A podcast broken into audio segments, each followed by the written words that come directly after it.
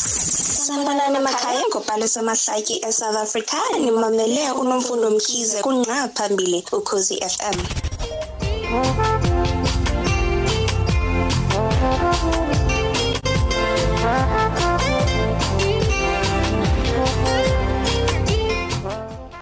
Imzuzu ishumi nantathu lishayileke ihora leshumi ebusuku. Sibonge kakhulu kulakhi inkosi obekuyena ade slipper esiphake ingcwenga amakwaya ecula lapha kamnandi elolozela.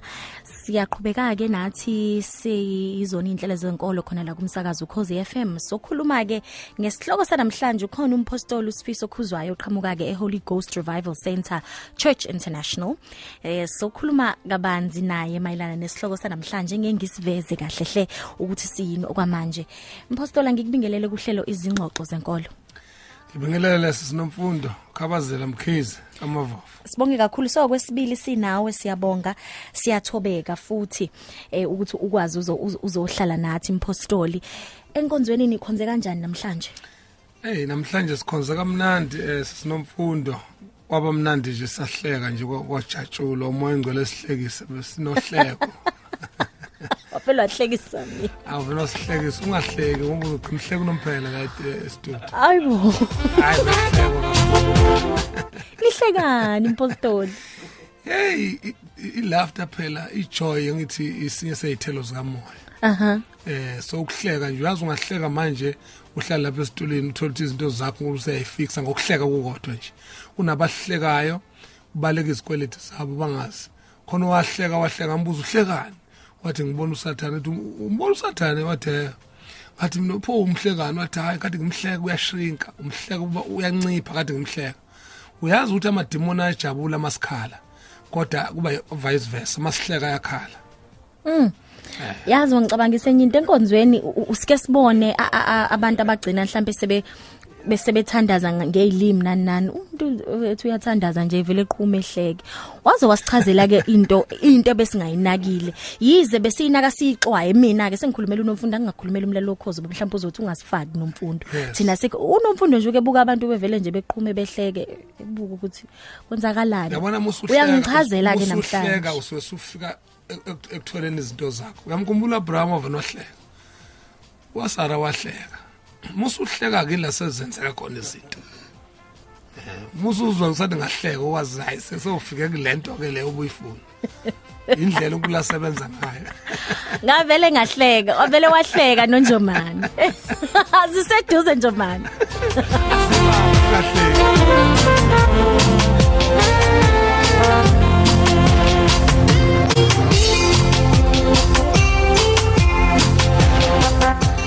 Hayike asingene kumsebenzi baba. Sibonge kakhulu ngalokho nje. Sithemba ukuthi nabalaleli emakhaya bathola ukukhanyiseleka endaweni akade be- benganasi isiqiniseka kuyona.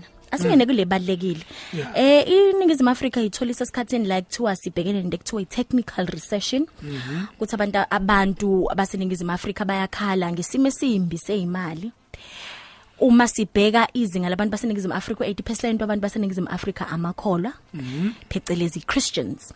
Uma sithi technical re recession ibhekene nabantu baseningizimu Afrika kahle kahle sithi technical recession ibhekene namakholwa eningizimu Afrika. Uma sikhuluma ngokuthi i- imizi eminingi abantu abamnyama eningizimu Afrika iphila eh kwi poverty line noma iphila ngenhlupheko. Kahle kahle sithi imizi eminingi yamakholwa eningizimu Afrika iphila enhluphekweni. Kungani uma ngumkrestu kepha ngizithola ngisahlupheka? Kungani uma ngumkrestu kepha ngiyithola ngisagula? Uyabona nje besinga besinga bese uma besifuna ukuthi sijule besosho ukuthi ku- ku- ku- kunomehluko phakathi kuba umKristu nokuba nokuba yikholwa umuntu okholwayo.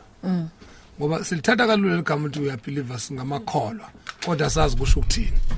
Ngoba phela ukukholwa kuqiniseka into ezithenjwa kuyiqiniso into engabona ukukholwa kuba izinto engeke ukuthi zikhona so singaba amaKristu kodwa uthola ukuthi asikholwa. Yabona ke? So kunomehluko ke phakathi ukuthi umKristu nje kodwa unga- ungakholwa kodwa uthi uyikholwa kodwa ungakholwa. Okay. Asizelana ke umkristu umuntu onjani? Well umKristu lana eSouth Africa abam understand umuntu onjani. Kanti umKristu igama elikhulu kabi lelo ngoba kuba umKristu kusho ukuthi phela you are a Christian you are a small Christ umChrist umChrist omncane.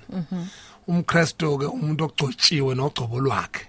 Umuntu ogcotshiwe is an anointed. Christ means the anointed one ogcotshiweyo.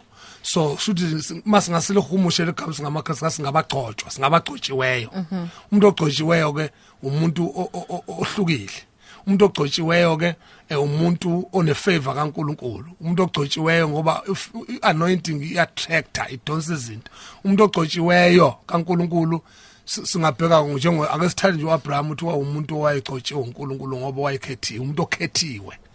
uAbraham akukuswela kokuyena ngangukuthi ngisho owayelandela yena ngithi umzukulu noma inephew yakhe uLot uLot kwafika la khona sebexabana ngenxa ukuthi abasanalo indawo ukuthi bangakwazi ukudlisela izilwane zabo. So izwa libanelanga ngemfuyo yabo. So uyabona ukuthi umuntu ogcotshiwe umuntu yabona leli gama elithi lelizwe lithi eh the blessing of the lord make you rich. Isibo sonke siyacebisa kanezela usizi kuso. Uma ungasuluhlehle ulitolike originally uzothola ukuthi kuthiwa the anointing of the lord eh uh, make it makes you rich. So umuntu ogcotshiwe umuntu obusisiwe. Umuntu obusisiwe umuntu ongena ngoba isibusiso sozithola lapha ku Deuteronomy 28 isibuso sozibona bese sibona la eceleni neqalekiso. Asikho ayikho poverty kumuntu obusisiwe nomuntu ogcotshiweyo. Ayikho poverty kumuntu noma akukho ubuhlwempu nobupha kumuntu obusisiwe. Okay. Ngoba isibusiso siyacebisa asinezela usisi. Mm. so buya ke lapho ukuthi sicebisa kanjani? Mhlambe Okay. ithina singalwazi noma ithina silindele umcebo ohlukile kunalona owuqondiwe eBhayibhelini asize la kuyikholwa. Uyasichazela ukuthi umKristu umuntu onjani? Umuntu oyikholwa. Ungumuntu onjani umuntu owekholwa phela nomfundo umuntu umuntu oyikholwa nje. Uyabona singayithathi light le ndaba ukuthi are believers ngoba ukuba amakholwa abantu ababiza into abantu abakholwa into engekho. Angike nje nokukhala ngale recession ongakhala ngayo. Umuntu okholwayo ange akufanele akhale nge-recession ngoba yena uyi-ambassador lemhlabeni is from another kingdom from heaven. Uqhamuka ezulwini la iqhamuka khona. Lana nje akafanele affectwe irandi kwehla kwalo nokunyuka kwalo. Ngoba icurrency yakhe akulona irandi lala. Icurrency yomuntu noma imali yakhe umzalwane inkolo yakhe faith inkinga ifaith yami iyangifida yini ebusuku? Ifaith nezingane zami. Olungileyo uyophila ngokukholwa. Umuntu uyophila ngokukholwa kwakhe. Olungileyo uyophila ngokukholwa. Umuntu uyo- mina- mina nje mina yonke into enginayo ngiyithole ngokukholwa. Yonke into enginayo ngigibela ukukholwa njengoba ngibona ngilanje bengigibela ukukholwa kwami. Njengoba le moto engihamba ngayo leminyango ukukholwa that is my faith.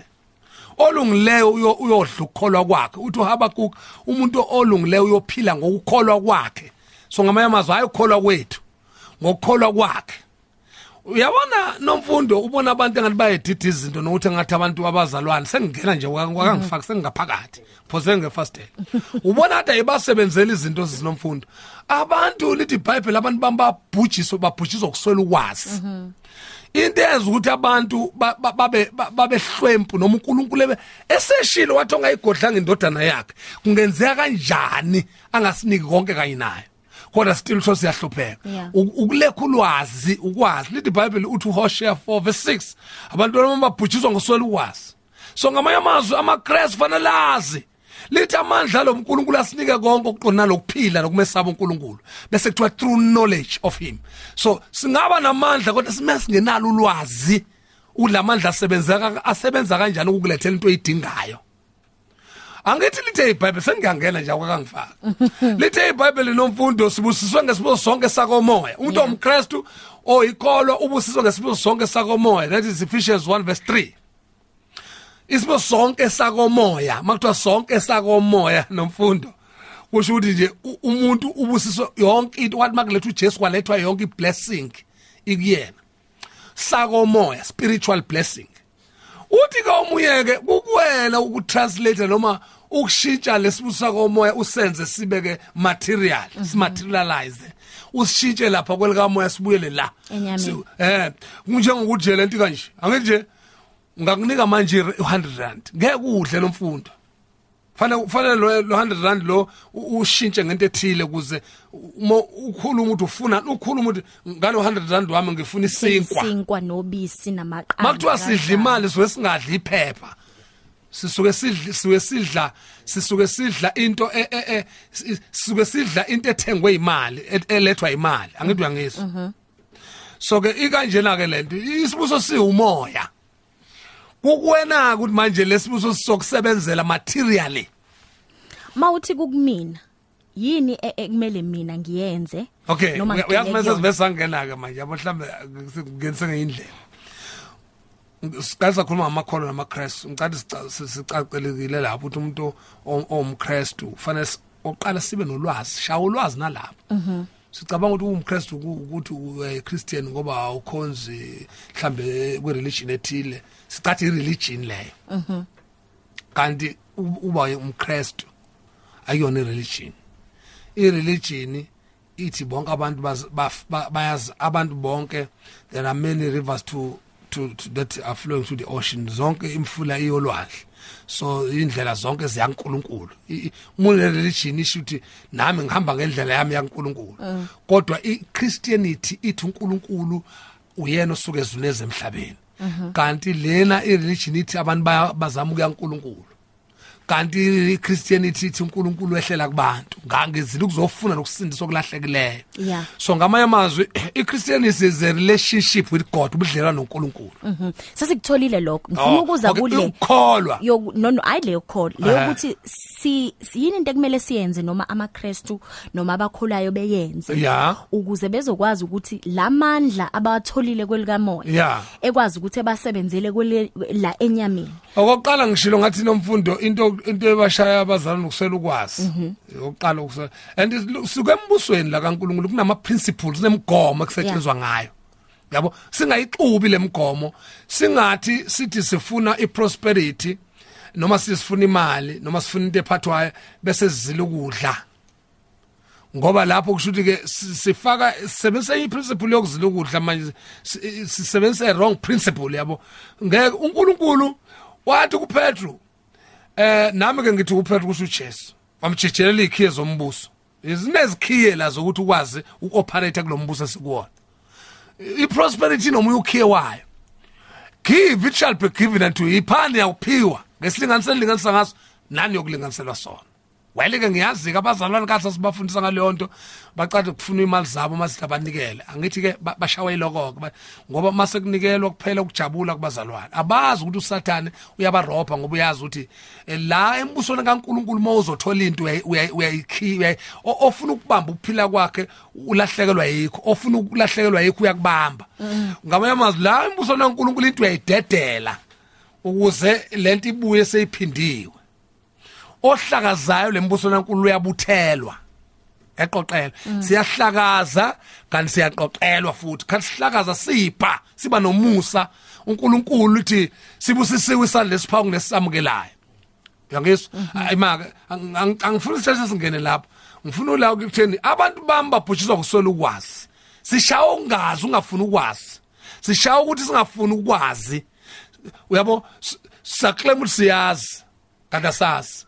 Njengalami nje mina mina ngangiclaim ukuthi ngiyazi kanti angazi. Until ngihlangana nomuntu othile. Ngisebenzisa uNkulunkulu endlela emangalisayo nomfundo. Mina wengisebenzisa uNkulunkulu endlela uthi uyabona uyabona ngisho ibhanji into engiyigqokile. Ngangayijishela lapho kuwena manje. Na ungazi ulahlwe yini phansi?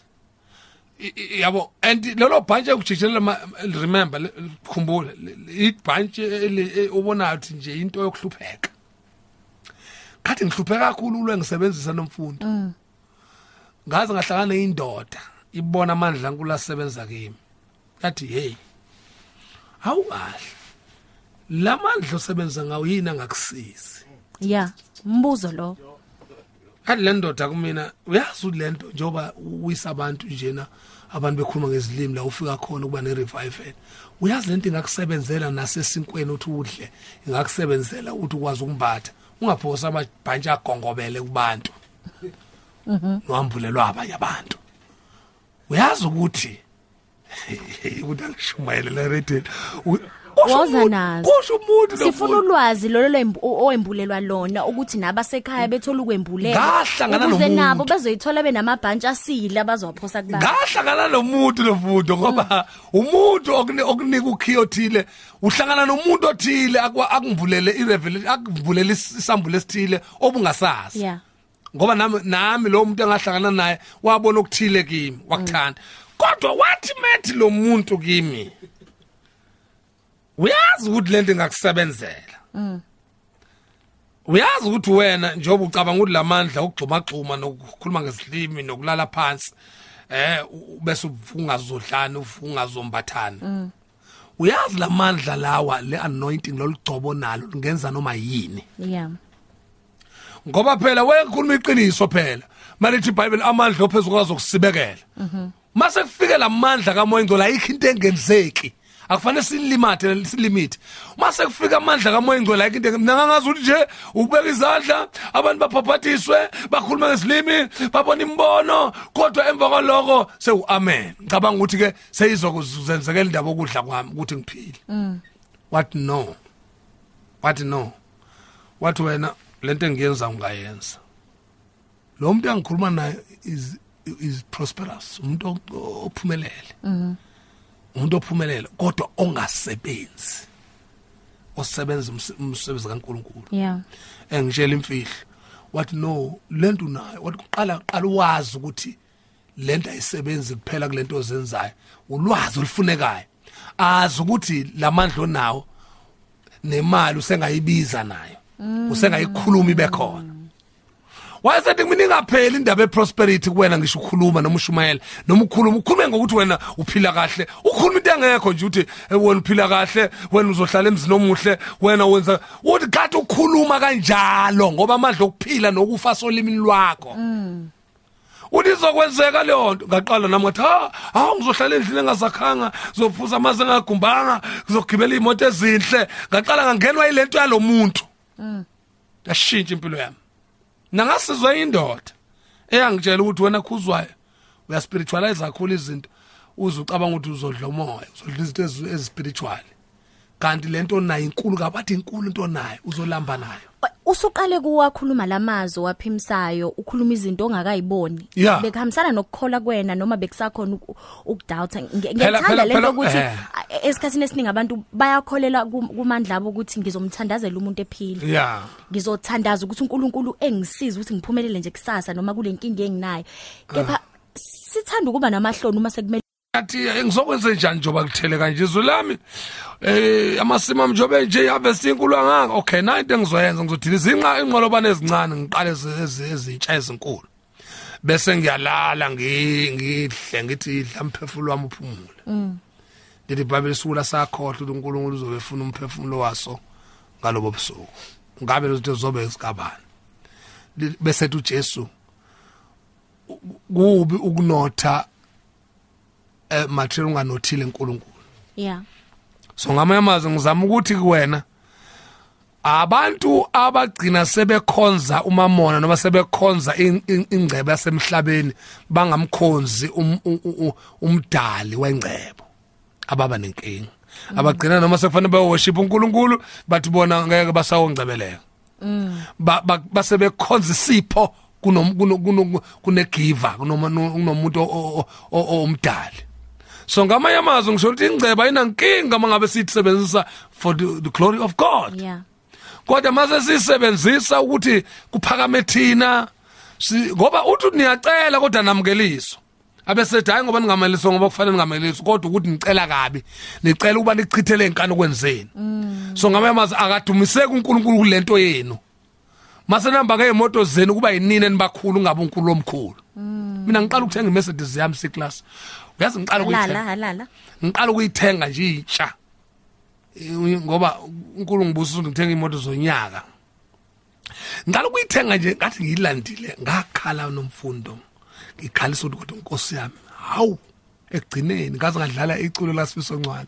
Yeah. ngathi ngathi ngathi u- u- uthe lithini leli culo uthi u- u- u- u- nami ekugcineni sewu- sengu- sengize nga- sewu- sewuzwa ngibusisa Ekugcineni. nako na- lelo nje liphela ngokugcineni ngadlala lona ngikhala inyembezi.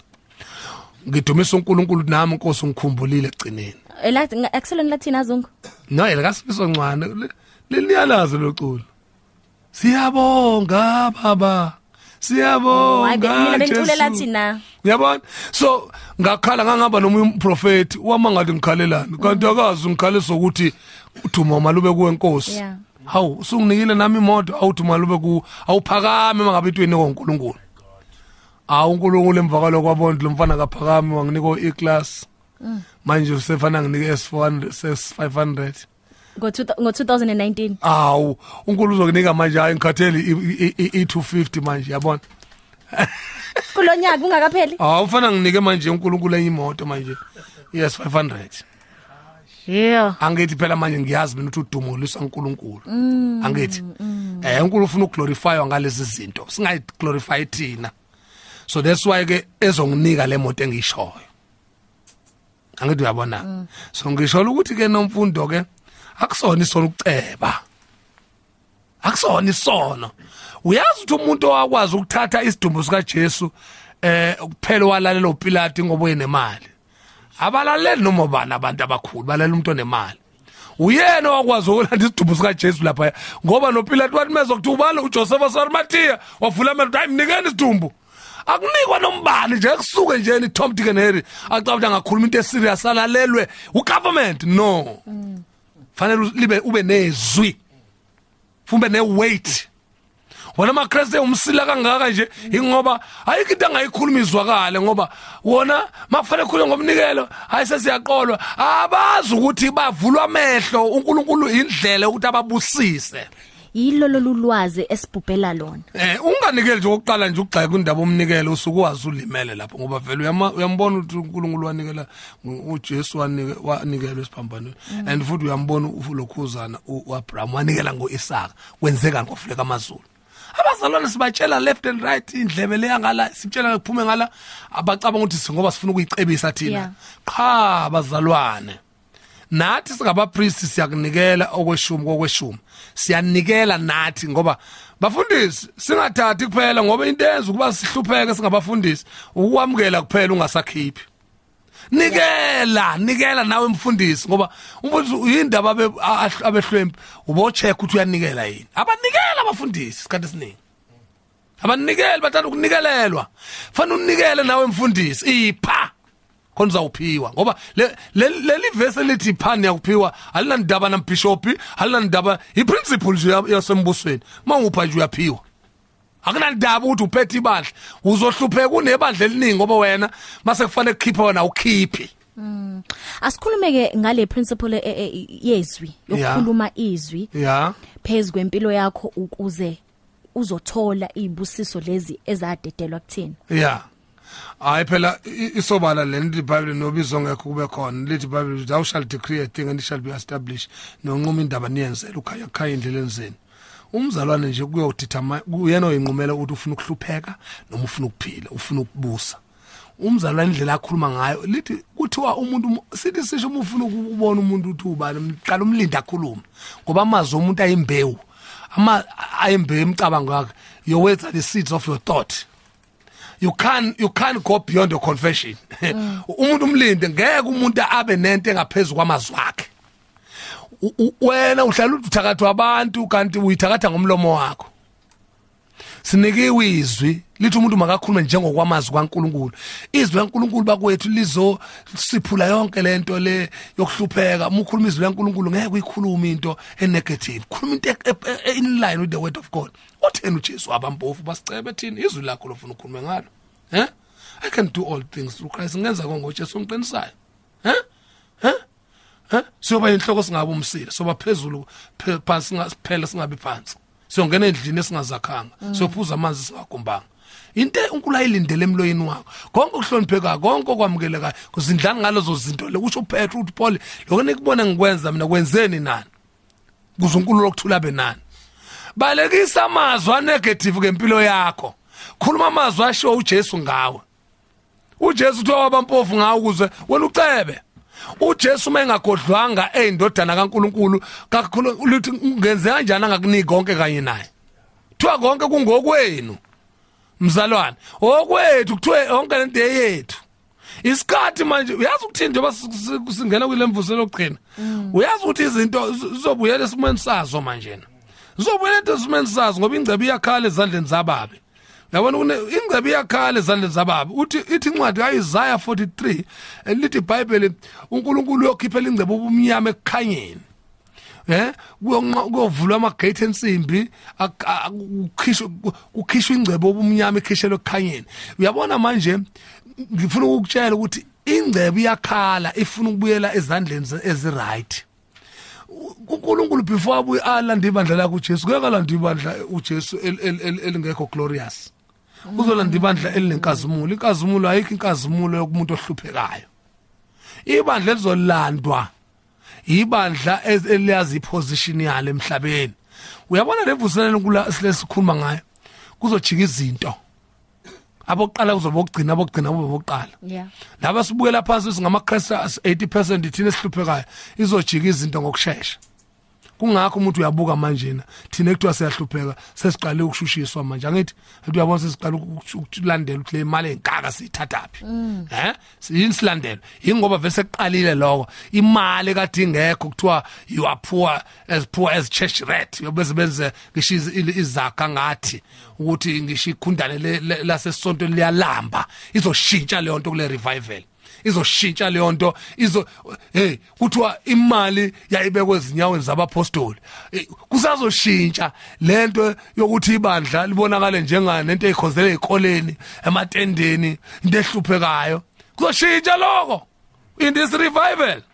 I'm telling you. I'm prophesying kuwena ongilalela. Kuzophela ukuhlupheka kumzalwane.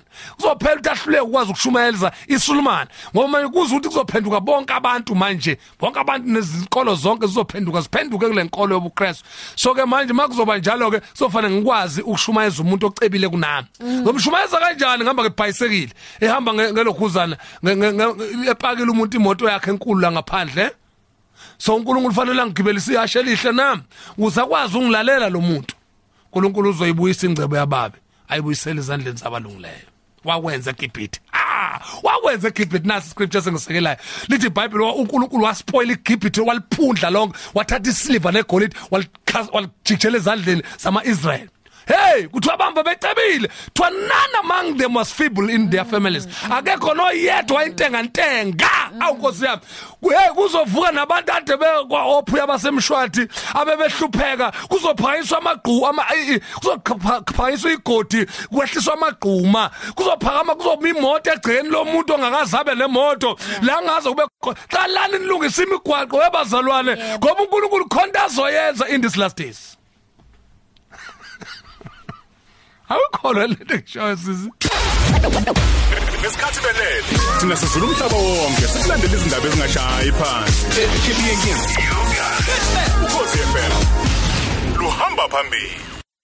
Uhleli nonomfundo mkhize uhleli nonomfundo mkhize ukhosi FM Imzuzi imzuzi yishumi. Ngaphambi kokuba hey ishaka ishaka lombili eh shaka lolunye ngaphambi kokuba libumbane lona lihora lika 11 ebusuku uzobe sekhona kumsindazo enigwabisa ngaphambi kwalokho ngisahleli naye umpostoli usifiso khuzwayo qhamuke Holy Ghost Revival Center Church International. Umbuzo wami ke nubulula ngithe impostoli ngicela nje sokhuluma ngale ndaba yokuthi nanti into ekuthiwa ipoverty into ekuthiwa indlala into ekuthiwa itechnical recession izobusa abantu abayibiza ngokuthi amakholo abantu abayibiza ngokuthi amaKristu okusho ukuthi umbhalo ngabe unamanga na ukuthi babusisiwe ukuthi ke eh bengabi hlwempu bengahlupheki? Ezinye ke izinkolo ezibukayo zibuka zibuka lokho kungamanga yini? Ngabe kuhamanga yini? Sifuna ukwazi iqiniso. Njengoba belana nje bezokhuluma iqiniso naye akalaziyo ngezwi akalifundayo kanye nangempilo yakhe nje akathi isibe yitestament isivile yabo ubufakazi bezwi akade likhulumela phezulu kwempilo yakhe. Kepha uthi ukhiye wavula lapho ukuthi ehlangane nomuntu owamembulela wamtshela ukuthi ukufa nokuphila kusolimini lakho. Ikahlana nendoda. Nawe njengoba uhlangana nami namanje ngiqwashi ngikuxwayisa ukuthi no ungayithandi poverty ungayithandi. Kade ngilalela ubab simlange mina ngilalela ingoma endala classic music. Bengihamba nomunye umfundisi okuthi umyeza ekhuluma ukuthi wangibuka wanginyanya. Yeah. Ngoba ngakhula nawe nje estratini sidlala nawe usuyangizonda ngizonde ngenzeni. Hey abantu abamthanda umuntu ophuwa yabo. Umuntu ophuwa aka- akabi namngani. Kusho iBhayibheli izakha ulahlekelwa abangani ngoba umuntu ophuwa njalo uyacela. Umuntu uyasaba ukuhlala nomuntu ophuwa ngoba uyazi ukuthi "Eyi, engabe uzongicelani before sihlukane. He? So ngamanye amazwi ipoverty into efuna uyinyanye wena qala unamzalwane ngoba kuyona yakhe that is not your portion. Akulona ifa lakhe isabelo sakho leso. Inyanye lento le. Vele usuke nje ngolusuku ngoba wena ubiza into engekho. Uvele ugqoke nje uswenke nje ugqoke ngona lozo zi- lozo zingubana onazo ke mawukuthi awunazo phume nje uhambe nje ufike ungene lapha kaspe ufuna uyifunela amanzi uphuzela amanzi. Uloku uyifundela iphepha nje uze sifundiswe singekho uyabona ubuso uyabatshela mathi hey odam hayi man ngangijahi khona ngisamlindile. Ha ube uyiphumela ufuna ngoba unayo imali yokuthenga. Ngiye ngitshela abazalwane esontweni ngithi ake uhambe nje uyongena lapha kaMercedes. Akukhokho ungena emotweni mahala lapha yana ufike uyivule ushaya ukey akukhokhwa musukusaba ungena futhi ukhathi ungena lapho yazi okokuqala bazothini? Bazothi bazobuka phansi bekubuke phezulu ngoba bazoqala babheke ukuthi ngampela lenti lento uyaqualify yani lento oyenzayo? Bese bebuza ukuthi hawu yini win ilotho yini makuthi bayakubona ukuthi engathi hayi le icathulo azika- azikho right. Ubatshela no lokho akulona i- i- ibusiness leni. That is none of your business. Yeah. lalela la mina ubaba wami unesiliva negolide. Bakhombe phezulu uthi ngihamba nayo le moto. U lithi iBhayibheli nonquma indaba niyenzele uyitshela iMercedes ngoba siyokhuluma thina into yabo isilalelwe izinto. uNkulunkulu uJesu wakhuluma ngisho umkhiwane wamila indlebe. Ukhuluma ulalela kweMercedes ungilandele baba. Eh sobe sibonana ngoba uyazi ukuthi i- iprinciple yombuso futhi iphi lento oyibonayo what you see is what you get. And it's biblical. Lithi iBhayibheli kwabuzwa kuHezekiya ukuthi ha kade kudlala ilanga kwafika amadoda ezikhulu ziqhamuka eBhabhiloni. Wayeziphutha wazivulela ingcebo wasibonisa yonke ingcebo ayekade uNkulunkulu embuse ngayo wazwababonisa ngisho ingcebo ezitsha zikaNkulunkulu. Makufika wafika umprofeti ngokusheshsha Isaya ngilalela wathi mayifika uIsaya wathi ya hoba lamadoda athela wathi na haya vele eBhabhiloni. Ya waboniseni. Hayi ngiwabonise yonke ingcebo yami. Wathi awushiyanga lutho abangayibona ngishiyanga lutho. Njoba bebonileke yonke into abayibonile kuyosala abangayibonanga ngizobalandela so iprinciple i- i- iya-affecta negatively or positively. So ngamanye amazwi nawe uhambe nje uyobuka izinto zasezimbali. Hamba Hey. uzibuke ake uhambe nje usiphuma lapha emjondolo lohlala kuwona. Ungasabi. Ha, ungasabi. umuntu ozokubuza leyo nto and and bakwenzile lo ngishumayela lo ntshumayelo leyo lapha esontweni emasontweni adlule. Ngathi ngiyabona ku Facebook sebengene ezimotweni bayivulile ngathi dako ke ngoba kholwana uNkulunkulu uyawuqiniswa kholwana abaprofeti niyakuphumelela. Umprofeti umkholwa noma ngabe ukhuluma into ewubula kangakanani. Ngi- basukile baya komhlanga. Basukile baya kozimbali babheka izindlu. Uyabo? Ngoba khathi nami ke bangafundiswa yilowo muntu ke lo muntu ubishop wami ong- ongizalayo eh, ngiye ngibiza ukuthi ubishop ukhathaphila ngoba u- naye uyafuka ahambe nje ayohlala endaweni ezithile uthi yona indlela asebenza ngayo into zimlandela kanjalo. Uku- umuntu olalele ekhaya njengamanje uthi inkulumo yakhe inempakamo. Ngoba na oh. wena uwumfundisi onenhlanhla ukuthi e- e- e- e- efinyelele kwingceba sefinyelele kuyona Okay. noma embulelwa sembulelwe kona. Impakamo. Mm ungathini ke? Urojo usathana lo muntu lo ngilalela osengitshela ukuthi impakamo. Iyona phela into eshaya abazalwane. Uyabona usathana mefuna ukukushaya woqala ukuzondisa ngalento esikhuluma ngayo. Akwenza ukuthi ungayithandi endlebeni zakho. Uzuthatha iBhayibheli lakho ukuthi hayi ngisho umfundisi akanayo intshumayelo aphuma uhambe ususungcwatshiwe ke poverty spirit phela ipoverty. Isona esikutshela ukuthi ungamlaleli umfundisi okhuluma la uyayiphakamisa. Kanti funa umlalela umuntu ungathi we ngoba nakusefinyene lapha mina ngake mlalela umuntu ayikhulume leyo nto uhleke la kuhlekwa khona.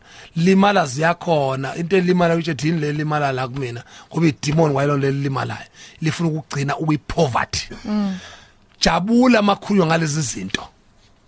Jabula ngoba lezo zizofika kuwena. Ngiye ngitshela abazalwane lapha ngithi makushada omunye umuntu umjabulele ngoba nawe uzoshada. Uyabona lento elimalayo uma ubona ingubo kanomfundo inhle ungayincomi uzokhubeka le ngubo ikhube for the rest of your life. Income ngamandla imoto yomuntu uyincome ngamandla into ukuze ingakukhubi lento le. Uyabona? Ithande uyijabulele. So ngamanye amazwi ngizama ukuthi ke sinomfundo eh eh abantu abathi uphakama ukhuluma ngalezi zinto ngibona ukuthi mina barojwa isitha ngoba iBhayibheli lesikhuluma ngalo Mm. Asibonge kakhulu umpostoli Sifiso Khuzwayo ngiyazi ukuthi nasekuseni futhi sokwazi ukuthi sikuthole em kwi kwi kwi mthombo wensindiso umthombo wensindiso nonjomani.